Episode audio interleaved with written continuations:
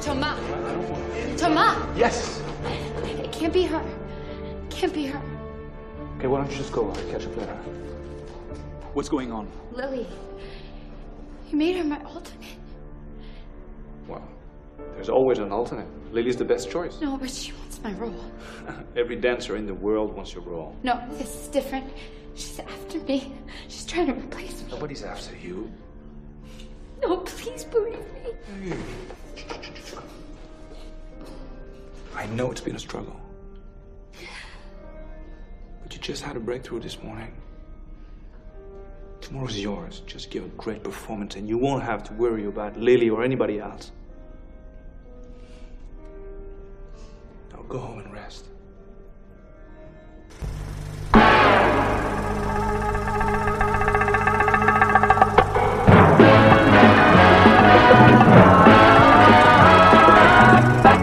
Comes to entertainment, you can't beat a good film.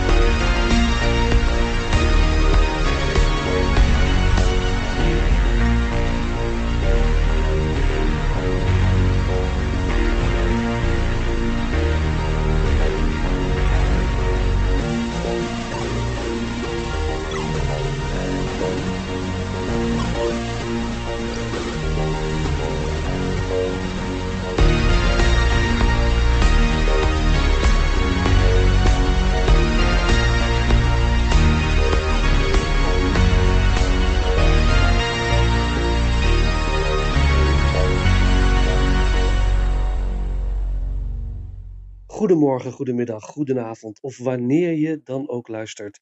Welkom bij weer een nieuwe aflevering van Inglorious Rankers. De podcast waarin we films ranken van franchise tot filmjaar, van acteur tot regisseur. Vandaag het tweede deel van ranking 2010. Vorige week nam ik jullie mee langs mijn persoonlijke nummers 10 tot en met 6. Vandaag de nummer 5 tot en met 1. Voordat we naar dit gedeelte van de ranking gaan, wil ik eerst even stilstaan bij wat reacties die ik heb mogen ontvangen via de social media kanalen. Als eerste de top 10 lijst van films en series te volgen via Instagram. Voor films en series nummer 10 The Social Network, 9 Monsters, 8 Kick-Ass, 7 True Grit, 6 127 Hours, 5 The Town, 4 Buried, 3 Inception, 2 Shutter Island en nummer 1 The Fighter. De top 5 van Rubicon 13 via Instagram. Nummer 5 Inception. Nummer 4 The Hurt Locker, eigenlijk 2008, maar in Nederland uitgebracht in 2010. 3 Shutter Island. 2 How to Train Your Dragon. En nummer 1 The Social Network. Mooie lijst ook. En zoals ik vorige week al aangaf, zou ik hem bewaren tot deze week de top 10 van Screens and Scenes. Ook via Insta. Op nummer 10 True Grit, nummer 9 Tron Legacy, nummer 8 Animal Kingdom, 7 Shutter Island, 6 The Ghostwriter, 5 The Fighter, 4 Kick-Ass, 3 Inception, 2 Black Swan en nummer 1 The Town. Voor aanvullend commentaar op zijn lijst verwijs ik je met plezier door naar zijn Insta-pagina. Zeker de moeite waard om eens een kijkje te nemen. Mijn lijst is weer heel anders en dat is ook het leuke aan een ranking natuurlijk. Blijf vooral de lijstjes delen. Ik vind het geweldig. Uh, na de intro hoorden jullie trouwens een track van een van de beste soundtracks van 2010. De track End of Line uit de film Tron Legacy. Muziek door Daft Punk. En voor de intro hoorden jullie een scène uit de prachtige film Black Swan. Nu over naar het laatste deel van mijn 2010 ranking. De nummers 5 tot en met 1. En we trappen natuurlijk af met de nummer 5.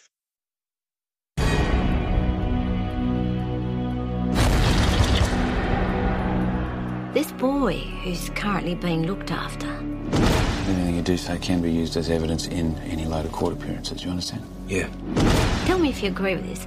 This boy who's being looked after, he knows who you are. And you've done some bad things, sweetie.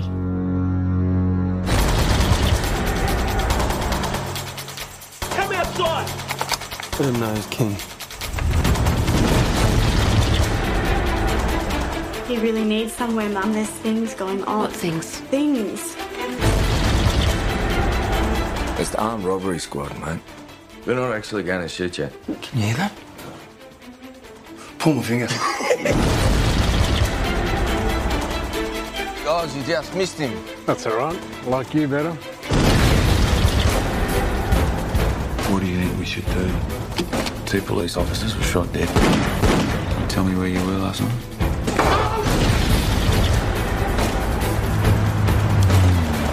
You know the girl. What's her address? Maybe you should start taking your pills again. What's the address? You know, if you ever want to talk about anything or anything, I'm there, right? Everything knows its place in the scheme of things. Things survive because they're strong. You've got to do something about Jay. He's got to go. You've survived because you've been protected by the strong. But they're not strong anymore.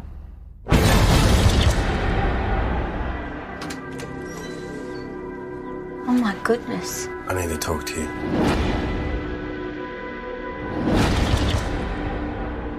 You've done some bad things, sweetie. De nummer 5 is voor de ijzersterke Australische productie Animal Kingdom van regisseur David Midgett. De film gaat over de 17-jarige Josh. De moeder van Josh sterft aan een overdosis heroïne met als gevolg dat Josh gaat wonen bij familie. Hij wordt door zijn oma met open armen ontvangen, maar belandt wel in een van de meest criminele families van de stad. De zonen van oma onderhouden allemaal criminele activiteiten en zijn ronduit gevaarlijk te noemen. Ze worden ook op de voet gevolgd door de autoriteiten. Wanneer een van de zonen om het leven wordt gebracht door een politieagent onder het mom van Here's a gun, terwijl dat niet zo is, zinnen de broers op wraak en doden twee politieagenten. Een van de politieinspecteurs, Lecky, gespeeld door Guy Pearce, leidt het onderzoek dat hem leidt naar de familie. Hij heeft door dat Josh als 17-jarige eigenlijk in een wereld wordt gezogen waar hij niet thuis hoort en probeert hem te overtuigen de familie te verraden en te kiezen voor zijn eigen vrijheid los van de criminaliteit. Het is maar de vraag of Josh hiertoe in staat is, aangezien de familie hem nauwlettend in de gaten houdt. Het is het beste om zo min mogelijk over Animal Kingdom te lezen of op te zoeken op YouTube. Als je hem nog wil gaan zien, hou de kijkervaring dan zo puur mogelijk. Doe je dat, dan ervaar je een zinderend spannende thriller. Niet op het gebied van actie, maar een beklemmende onderhuidse spanning. Binnen de onvoorspelbare familie heb je werkelijk geen enkel idee wat het volgende moment staat te gebeuren. Ik was zeer onder de indruk van Animal Kingdom. Geweldig gefilmd en bijzonder mooi acteerwerk van, zoals eerder genoemd, Guy Pearce, maar naast hem Joel Edgerton, James Frecheville en een geweldige prestatie van Jackie Weaver als oma en een zinderende acteerprestatie van Ben Mendelsohn als Andrew, een van de zonen. Een onvoorspelbaar en levensgevaarlijk personage. De film is losjes gebaseerd op de crime scene in Melbourne in de jaren 80 en de moord op twee agenten, uh, op de twee agenten in de film refereert aan de werkelijke moord op twee agenten in 1988, de zogenaamde Wall Street Police shootings. Leuk weetje, voor Quentin Tarantino staat Animal Kingdom op de nummer 1 van het jaar 2010. Jackie Weaver werd voor haar uh, rol genomineerd voor de Oscar Beste Actrice in een bijrol. Uh, zo ook werd ze genomineerd voor een Golden Globe. Op het Sundance Film Festival won de film de award voor beste film in de categorie World Cinema. Heb je Animal Kingdom nog niet gezien, dan raad ik je aan dit zeker te doen. Ook noemenswaardig is de soundtrack. We gaan luisteren naar de track Animal Kingdom. Je hoort het tijdens de main titles. Muziek door Anthony Partos.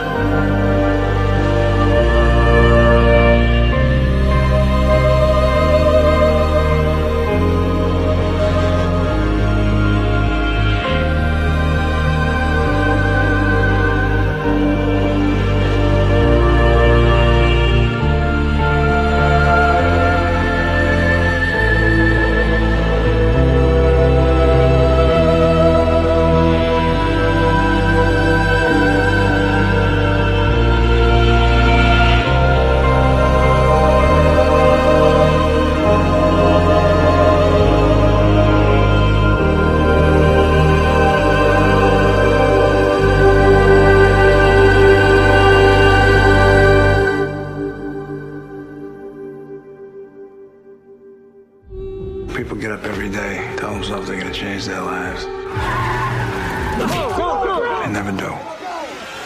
I'm gonna change mine. I'm done. You're done? I'm putting this whole town in my rear view. There's people I can't let you walk away from. I hear you got a nice, sweet new girlfriend. You're gonna do what I ask. All right, but if anything happens to her, I'm gonna kill both of you. This is the not screwing around crew. Find me something that looks like a print so I can grab one of these guys. Because this not screwing around thing is about to go both ways. How do you know Dougie? I work for the FBI. I'm leaving. Get that in your head! I just want you to know that you are gonna die in federal prison. If we get jammed up, we're holding court on the street.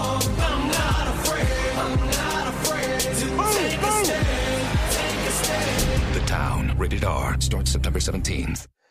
Deze film komt in veel top 10 lijstjes van 2010 voor, ongetwijfeld. Het is dan ook een van de beste films van dat jaar, The Town. En mocht je deze nog niet hebben gezien, ga dan zo snel mogelijk kijken. Heb je Netflix, dan is de gelegenheid heel dichtbij, want The Town is een film die je gezien moet hebben. Onder regie van Ben Affleck, die al meerdere malen heeft bewezen als regisseur zijn mannetje te staan, kun je getuige zijn van een knap staaltje werk. The Town vertelt het verhaal van een groepje criminelen uit Charlestown, een stukje wijk in Boston. Charlestown staat erom bekend van generatie op generatie nieuwe criminelen te produceren, voornamelijk op het gebied van overvallen. Deze film vertelt het verhaal van één van deze bendes. Wanneer ze op een dag een bank beroven, zijn ze genoodzaakt door omstandigheden een werknemer van de bank te gijzelen. Ze laten haar kort erna vrij, maar de dame in kwestie is getraumatiseerd en niet meer in staat haar werk te doen.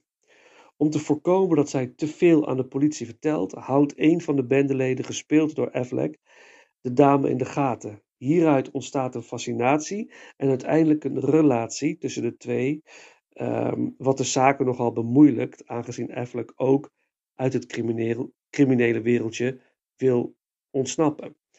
Of hem dat op deze manier lukt, is natuurlijk de grote vraag. En dit is in grote lijnen het basic verhaal van The Town. De uitwerking ervan is verbluffend goed gedaan en je zit gedurende de hele film op het puntje van je stoel.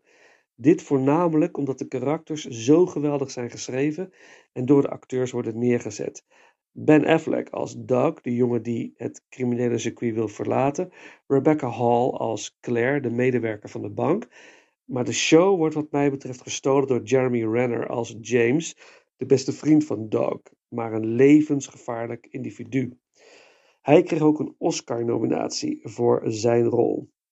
Affleck, Affleck uh, gaf zelf ook uh, aan bijzonder onder de indruk te zijn van Renners prestatie. Als een scène tijdens de editing niet werkte, hoefde hij alleen maar een korte shot van Renner in te monteren en de scène was gered. Affleck is naar eigen zeggen beïnvloed door films als Heat, The Departed en Mystic River, drie meesterwerken. En dat zie je wel enigszins terug in de film. Maar Affleck heeft er iets heel eigens van weten te maken. The Town is dus zeker het uitchecken waard, mocht je hem nog niet hebben gezien. Het is mijn nummer 4 van 2010. Dit brengt ons bij de soundtrack van The Town. We gaan luisteren naar de openingstrack door Harry Gregson Williams en David Buckley, het nummer Charlestown. En dan door naar de nummer 3.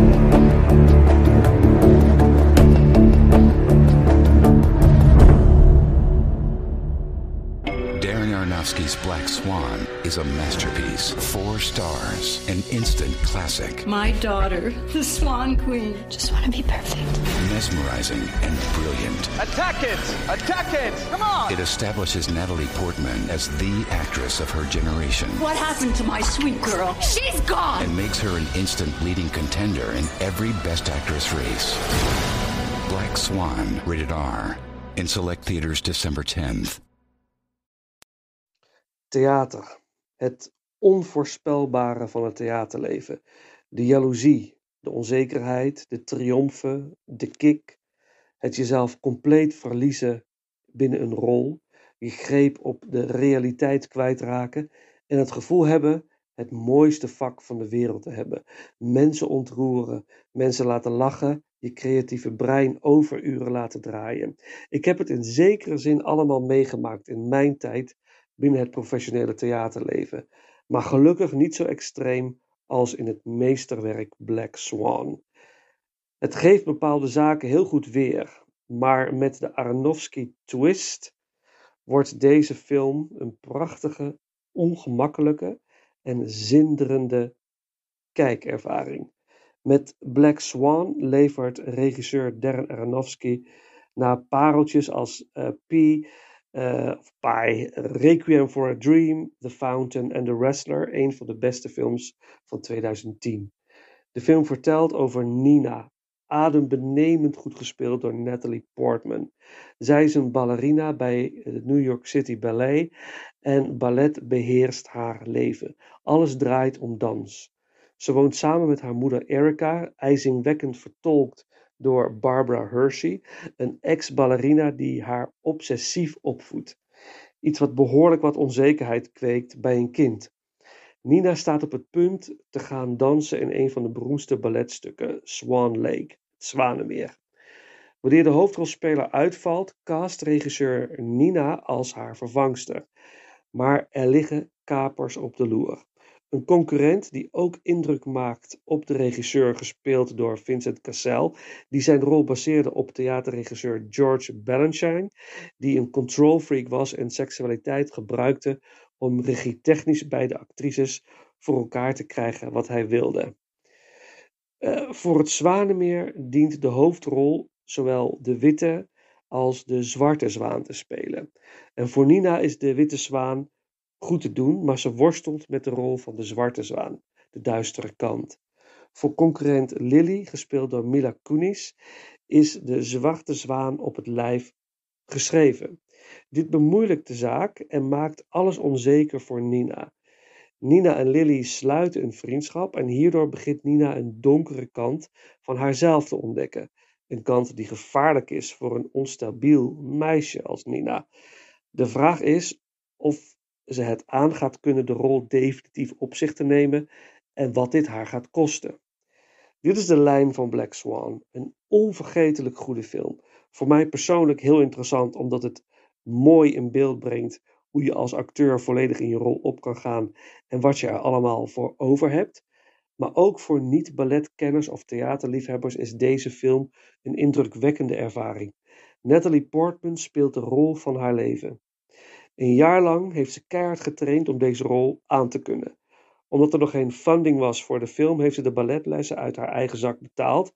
En regisseur Aronofsky claimt dan ook dat de film de kracht uitstraalt door de toewijding van Portman. Toch had Portman een dance double, Sarah Lane. Het is natuurlijk niet mogelijk om in een jaar een begenadigd balletdanseres te worden.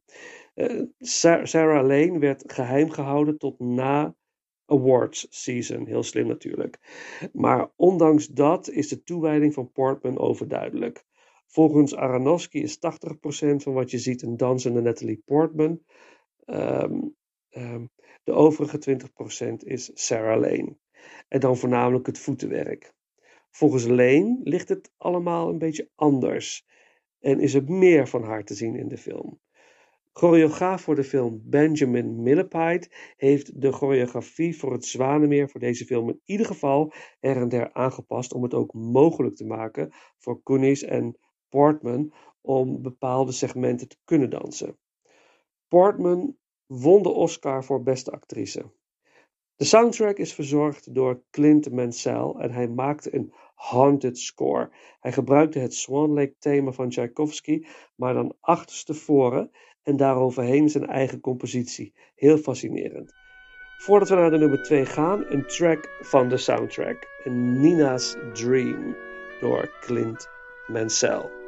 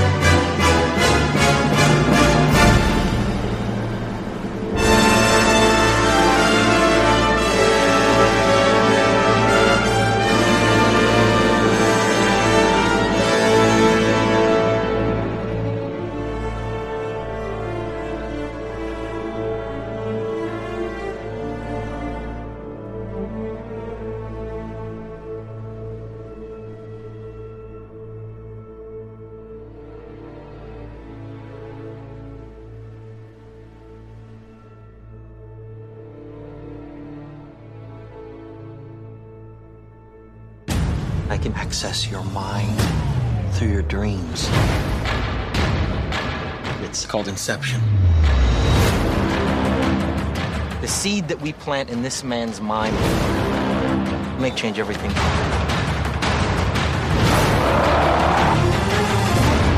We should walk away from this. This was not a part of the plan! You're not prepared for this! Inception, rated PG 13, theaters and IMAX, July 16th. De nummer 2, ja, Inception. Een film van Christopher Nolan staat bijna als vanzelf in een top 10 van een bepaald filmjaar. Zo ook deze film, Inception. Voor velen de favoriete Nolan-film. Voor mij ook. Dat ga ik zeer binnenkort eens uitzoeken. Het is in ieder geval een van mijn favoriete films van 2010. Een meesterwerk met een verbluffend script, oogstrelend camerawerk, geweldig acteerwerk en grandioze special effects. Het is geen eenvoudige film, zoals velen van jullie al weten, en meerdere viewings zijn zeker nodig om alles aan deze film te kunnen doorgronden. En dan nog zul je met wat vragen blijven zitten. We zetten Tenet in 2020 alles op zijn kop, in 2010 deed Inception dat. Dom Cobb, gespeeld door eh, Leonardo DiCaprio, is een dief, maar niet zomaar eentje. Hij kan kostbare geheimen stelen uit het onderbewuste van mensen gedurende de droomstaat, wanneer je het meest kwetsbaar bent. Hij is uniek in zijn skills en hierdoor zeer gewild, zowel voor opdrachtgevers als door mensen die hem het liefst een kopje kleiner willen maken. Hierdoor heeft hij ook al veel wat hem dierbaar was in het leven verloren. En nu krijgt hij een kans om zijn leven terug te winnen. Nu niet door een idee uit iemands onderbewuste te stelen, maar door er een idee te planten. Dit brengt natuurlijk veel gevaren met zich mee en een groots avontuur is geboren. Ik leg het nu vrij simpel uit, maar Inception is alles behalve simpel. Het is een zeer ingenieus uitgedacht verhaal met allerlei wendingen die je helemaal gek kunnen maken. Het is dus niet een film waarbij je tussendoor even een bitterballetje kan gaan frituren. In ieder geval niet als je hem voor het eerst gaat bekijken. De film won vier Oscars, natuurlijk op het gebied van special effects en op het gebied van sound editing en mixing. En was genomineerd voor beste film. Het mooie is ook dat de film, al lijkt het veel CGI, toch heel veel practical effects gebruikt. En dat geeft ook het waarachtige gevoel dat een film als deze nodig heeft. Hoewel de film zich uitstekend leent voor een 3D-ervaring, weigerde Christopher Nolan dit te doen, omdat het te veel zou afleiden van de kijkervaring. En daar zit wel wat in, denk ik. Je zal amazed zijn door de effecten als je het in 3D zou zien, en hierdoor wat van het verhaal kunnen verliezen. Het mooie is ook dat ieder shot door Nolan zelf is gefilmd. Er werd geen second unit met een second unit director gebruikt. Er valt nog veel meer te vertellen over Inception en dat zal ik ook gaan doen binnenkort in Ranking Christopher Nolan. Deze zal mogelijk eind mei online verschijnen. Natuurlijk krijgen jullie hier een melding van. Uh, de meeste filmliefhebbers zullen bekend zijn met de soundtrack van Inception met muziek van Hans Zimmer. Laten we gaan luisteren naar de verbluffende track Time. En dan door naar de nummer 1.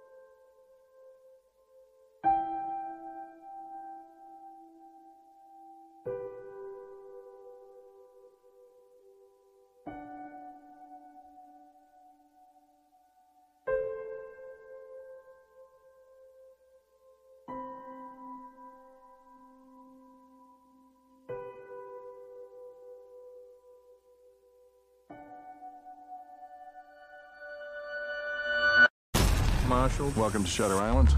These are all violent defenders. They've hurt people, murdered them in some cases.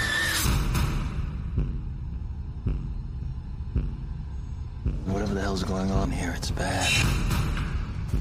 Men of violence are my specialty.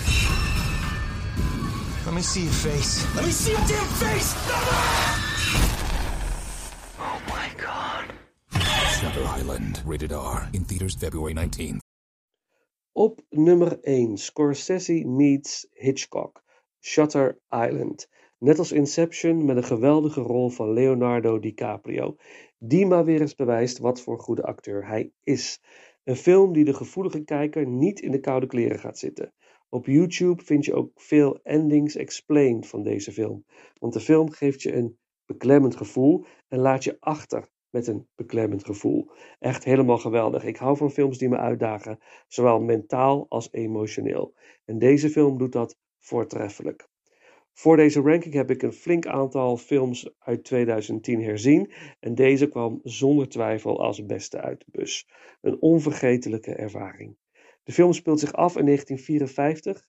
US Marshal Teddy Daniels heeft opdracht gekregen om een vermissing van een psychiatrisch patiënt van een instelling voor de criminally insane te onderzoeken op Shutter Island. Teddy stuit al snel op tegenstrijdigheden en een mysterie dat wel eens groter zou kunnen zijn dan hij aanvankelijk dacht. Eigenlijk moet ik het qua verhaallijn hierbij laten, want als je Shutter Island nog niet hebt gezien, raad ik je aan niets verder op te zoeken. Geen trailers te bekijken, maar je gewoon in de film te storten. Je zult daar geen spijt van krijgen. Scorsese zei over de film dat hij twee keer zoveel zou gaan opbrengen, omdat het publiek voor een groot deel twee keer naar deze film zou gaan. En hij heeft gelijk gekregen. Shutter Island was een groot succes in 2010. De eerste keer was ik mesmerized, onder de indruk, verward en dolgelukkig dat deze film was gemaakt. De tweede en derde kijkervaring waren misschien zelfs nog interessanter, omdat je specifieker, uh, specifieker op zoek gaat naar clues en uh, verborgen aanwijzingen. Heel leuk. De cast van Shutter Island is ook niet mis. Naast DiCaprio hebben we Mark Ruffalo, Max von Sydow en Ben Kingsley en een prachtige rol van Michelle Williams. In de titel Shutter Island zitten de volgende woorden verborgen: Truth and Lies en Truth slash Denials. Dit is een van de meest succesvolle films van Scorsese. Een succes dat werd overtroffen door The Wolf of Wall Street. En is gebaseerd op het gelijknamige boek van Dennis Lehane. Wat een leuk detail is, is dat de instelling op Shutter Island is gebaseerd op Arkham Asylum. Eh, de bekende gevangenis voor de criminally insane uit de Batman-serie. Er wordt zelfs door een van de medewerkers gesproken over dat eiland, dat het eiland is begroeid met poison ivy. Ivy is natuurlijk een bekende Batman-villain. Toch wordt er niet openlijk verwezen naar Arkham Asylum en ook niet andersom. Shutter Island is net als Inception echt een film die je met zo min mogelijk informatie moet gaan zien. En ik wil de kijkervaring voor de frisse kijker niet verpesten. Daarom hou ik het hierbij wat betreft de nummer 1 van 2010. Nog even over de soundtrack. Scorsese gebruikt, eh, net als in veel van zijn films, in deze film ook veel muziekstukken van verschillende componisten en artiesten. Op de soundtrack van Shutter Island veel klassiek werk. En aan het einde van de film hoor je het prachtige nummer The Bitter Land, gezongen door Dinah Washington. En dat nummer hakt er op dat moment flink in. Laten we daar even naar gaan luisteren. En na deze track zal ik bekendmaken waar de ranking van volgende week over zal gaan.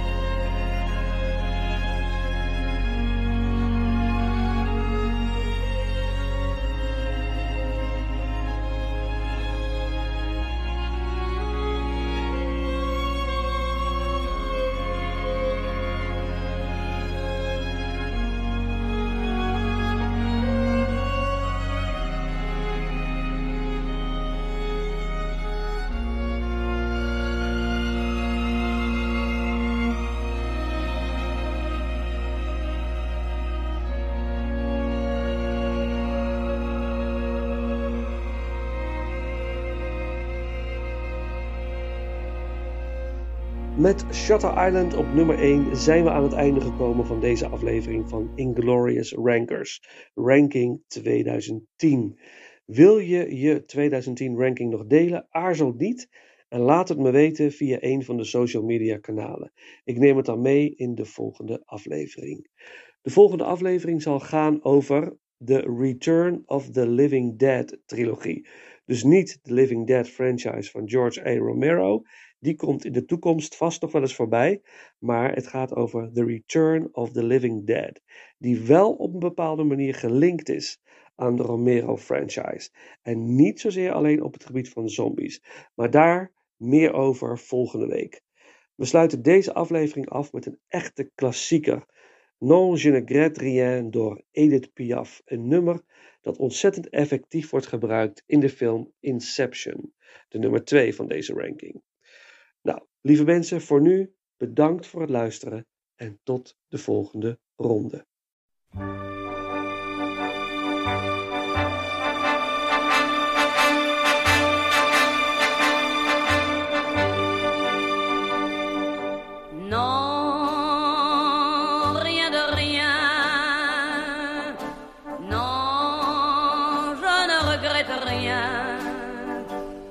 Ni le bien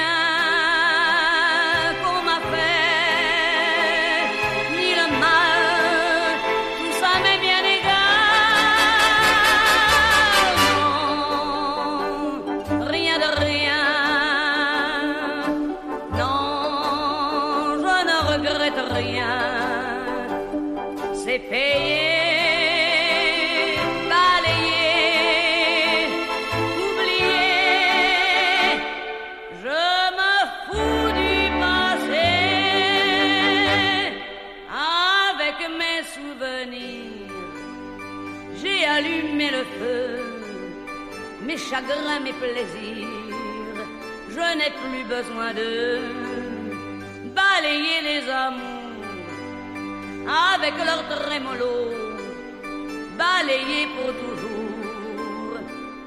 Je repars à zéro.